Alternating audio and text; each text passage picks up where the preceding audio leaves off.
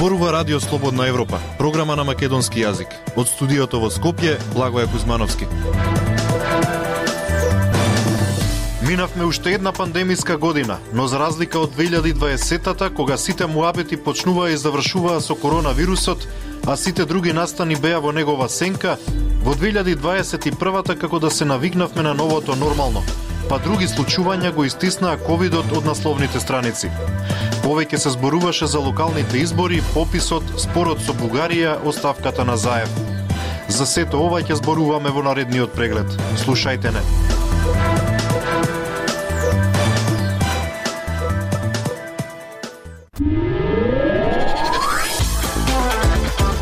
Дайте ни 15 минути и ние ќе ви го дадеме светот. Слободна Европа.мк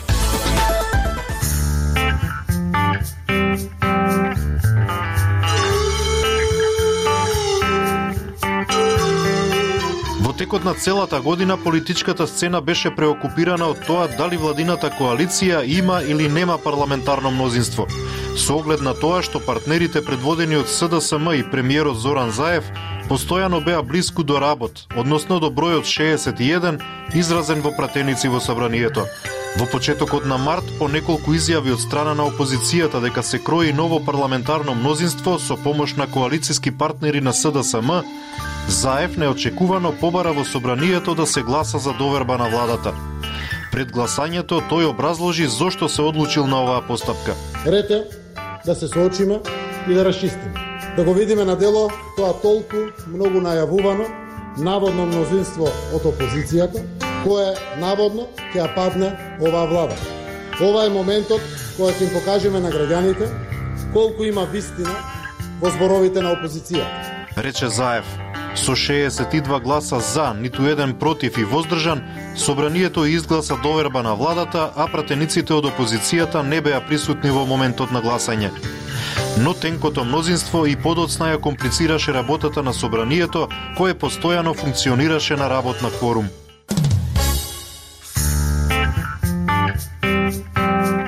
Во почетокот на август, пред летниот одмор на пратениците, председателот на парламентот Талат Джафери ги распиша локалните избори за 17 октомври.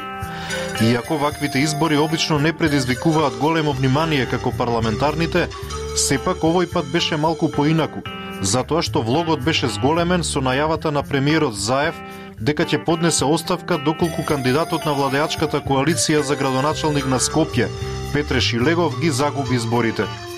За нивна несреќа тоа и се случи. ВМРО ДПМН е славеше победа во поголемиот дел од општините, а во Скопје победи независната кандидатка Данела Арсовска, која беше поддржана од опозицијата. Македонија, од вечера започнуваш да го живееш нашиот голем сон за нова иднина и надеж за секој еден човек. Македонија мора да се менува, а промените започнаа од вечера. Надежта ја победи апатијата и незината сила ќе расте рече тогаш лидерот на ВМРО ДПМН Христијан Мицкоски. Сепак резултатите од изборите паднаа во сенка на објавата на Заев дека ќе остане нададениот збор. Ја преземам одговорноста на себе за ваквиот развој на политичките настани, заклучно со резултатите на овие избори. Подесувам оставка од премиер и од председател на Социјалдемократскиот сојуз на Македонија. Изјави Заев. Подоцна членството на СДСМ го избра Димитар Ковачевски за нов лидер на партијата, кој ја имаше силната поддршка на неговиот предходник. Кон крајот на годината во собранието беше констатирана и оставката на Заев од функцијата премиер. Неколку дена по изборите, Мицкоски на Фейсбук објави дека заедно со неколку партии на албанците и со Левица формирале ново парламентарно мнозинство. Новата иднина доаѓа, ново време и нова надеж. Не чекаат силни предизвици, свесни и благодарни за поддршката, заедно ќе успееме. Македонија ќе успее. Имаме ново парламентарно мнозинство, напиша Мицкоски во својот пост. Сепак амбициите на опозицијата паднаа во вода откако на денот на гласањето недоверба на владата еден од нивните пратеници не се појави во собранието, односно немаше 61 глас за паѓање на кабинетот на Заев.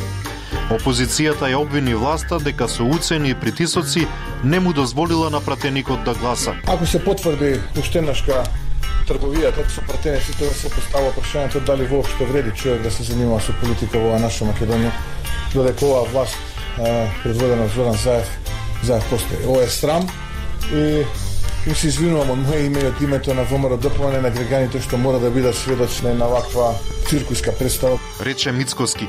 Од друга страна, партијата Алтернатива донесе одлука да влезе во владината коалиција, со што се зацврсти парламентарното мнозинство што ја поддржува владата. Радио Слободна Европа, светот на Македонија.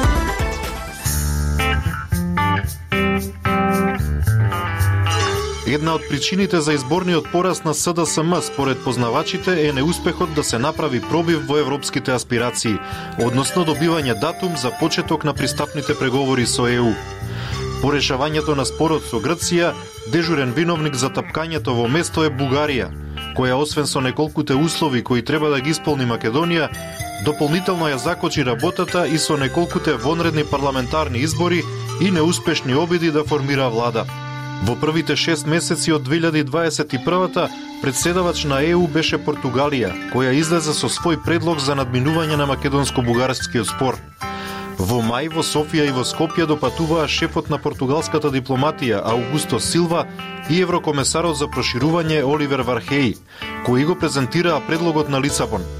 Веднаш по посетата, бугарските представници го оценија предлогот како неприфатлив, додека Заев беше попредпазлив со оцените, истакнувајќи дека сериозно и одговорно ќе ги разгледа сите детали од предложеното решение. Предлогот е добра основа за постигнување решенија за проблемот, решение со кое ќе се отстранат сите пречки и ќе се отворат преговорите преку одржување на првата меѓувладина конференција за Северна Македонија. Рече Заев.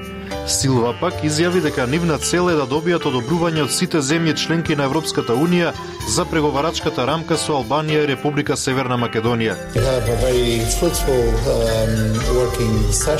Имавме на вистина плодна работна средба и таа ни даде увид во позициите, во интересите и во ставовите на Република Северна Македонија, а сметаме дека тоа ќе ни помогне во нашата работа со председателствувањето, рече Силва но помина и португалското председателство без никакво поместување.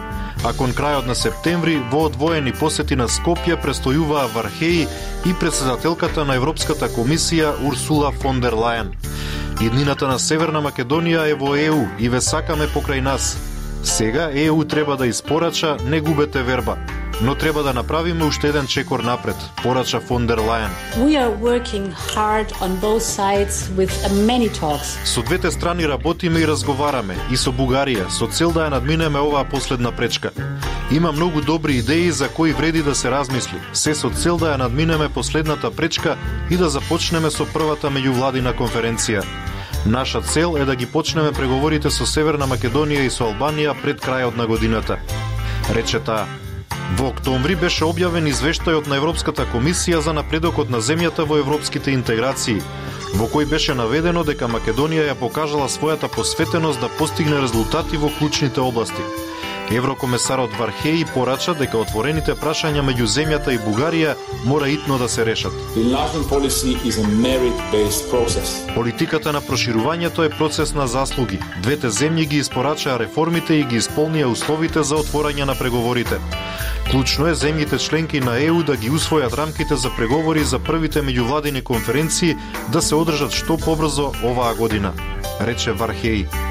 Во обидите да се реши спорот со Бугарија, премиерот Заев, според многумина аналитичари, може би отиде предалеку кога во септември изјави дека ќе се брише терминот бугарски во контекст на фашистички и дека така било и во Европа. Дали подаваме рака кон сегашните генерации и кон идните генерации, е суштината на наративот кој ќе го користиме. Таму останува фашистички окупатор и нема причина некој нешто ни да помислува, да мени ни па некој бара да се смени. Ниту споменик да се тргне, ниту фашистички окупатор да се тргне. Вака Заев го бранеше она што го изјавил во врска со тоа прашање, што предизвика бурни реакции на негодување во јавноста. Опозицијската ВМРО ДПМН во јуни изведе блокади на улици во десетина градови, тврдејќи дека премиерот Зоран Заев и специјалниот представник на владата Владо Бучковски тајно преговараат со Софија и барајќи од власта да каже дали јазикот и идентитетот биле дел од разговорите. Во меѓувреме, заедничката македонско-бугарска комисија за историски и образовни прашања одржа неколку состаноци, но по секоја средба соопштенијата беа речиси идентични. Нема напредок. И покрај сите дипломатски напори, изјави и пораки од европски политичари, сепак во декември на самитот на ЕУ не беше донесен датум за почеток на преговорите со Македонија и Албанија. Независни вести и анализи за иднината на Македонија. На Радио Слободна Европа и слободнаевропа.мк.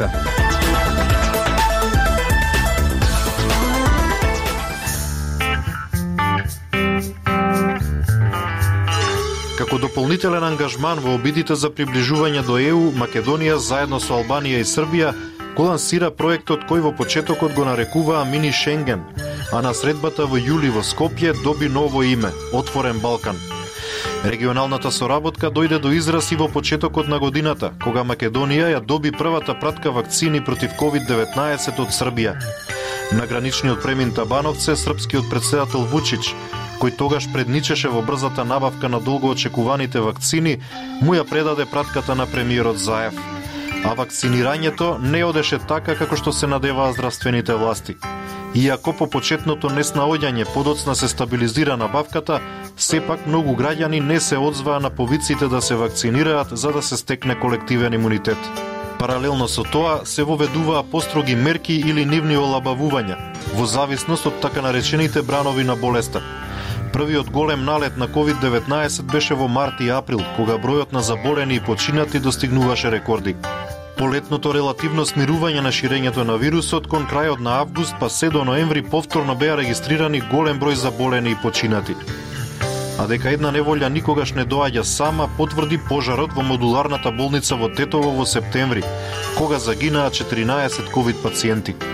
Јавноста бараше одговорност од надлежните, а министерот Филипче, неговиот заменик и двајца директори на болницата понудија оставки. Јас апсолутно ќе чекам да заврши истрагата. Не бегам ниту од одговорноста во однос на наодите на истрагата, ниту пак од моралниот момент. Рече Филипче по несреќата. Поречи си еден месец откако во истрагата беше утврдено дека причината за пожарот е најверојатно неисправен кабел, премиерот Заев не ги прифати оставките. Радио Слободна Европа, светот на Македонија.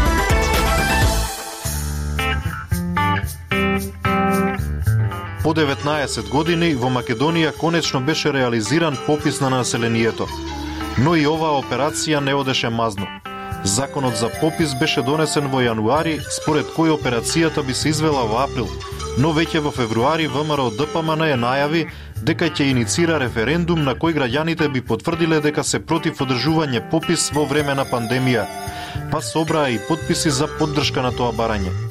Имаше и обвинувања дека се подготвува фалсификуван попис за бројот на одредени заедници во Македонија.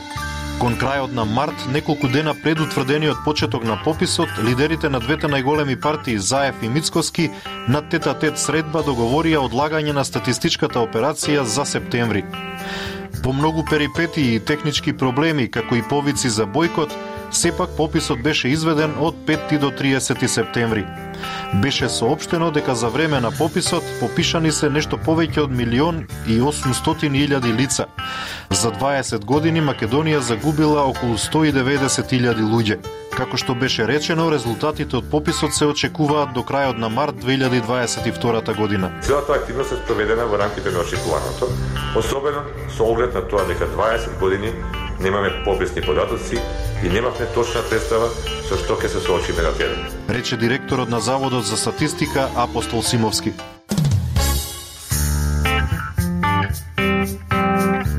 На крајот од прегледот ќе ги спомнеме и настапот на македонската фудбалска репрезентација на Европското првенство, прво вакво учество на големо надпреварување, како и освоениот сребрен медал во теквондо на Дејан Георгиевски на Олимписките игри во Токио.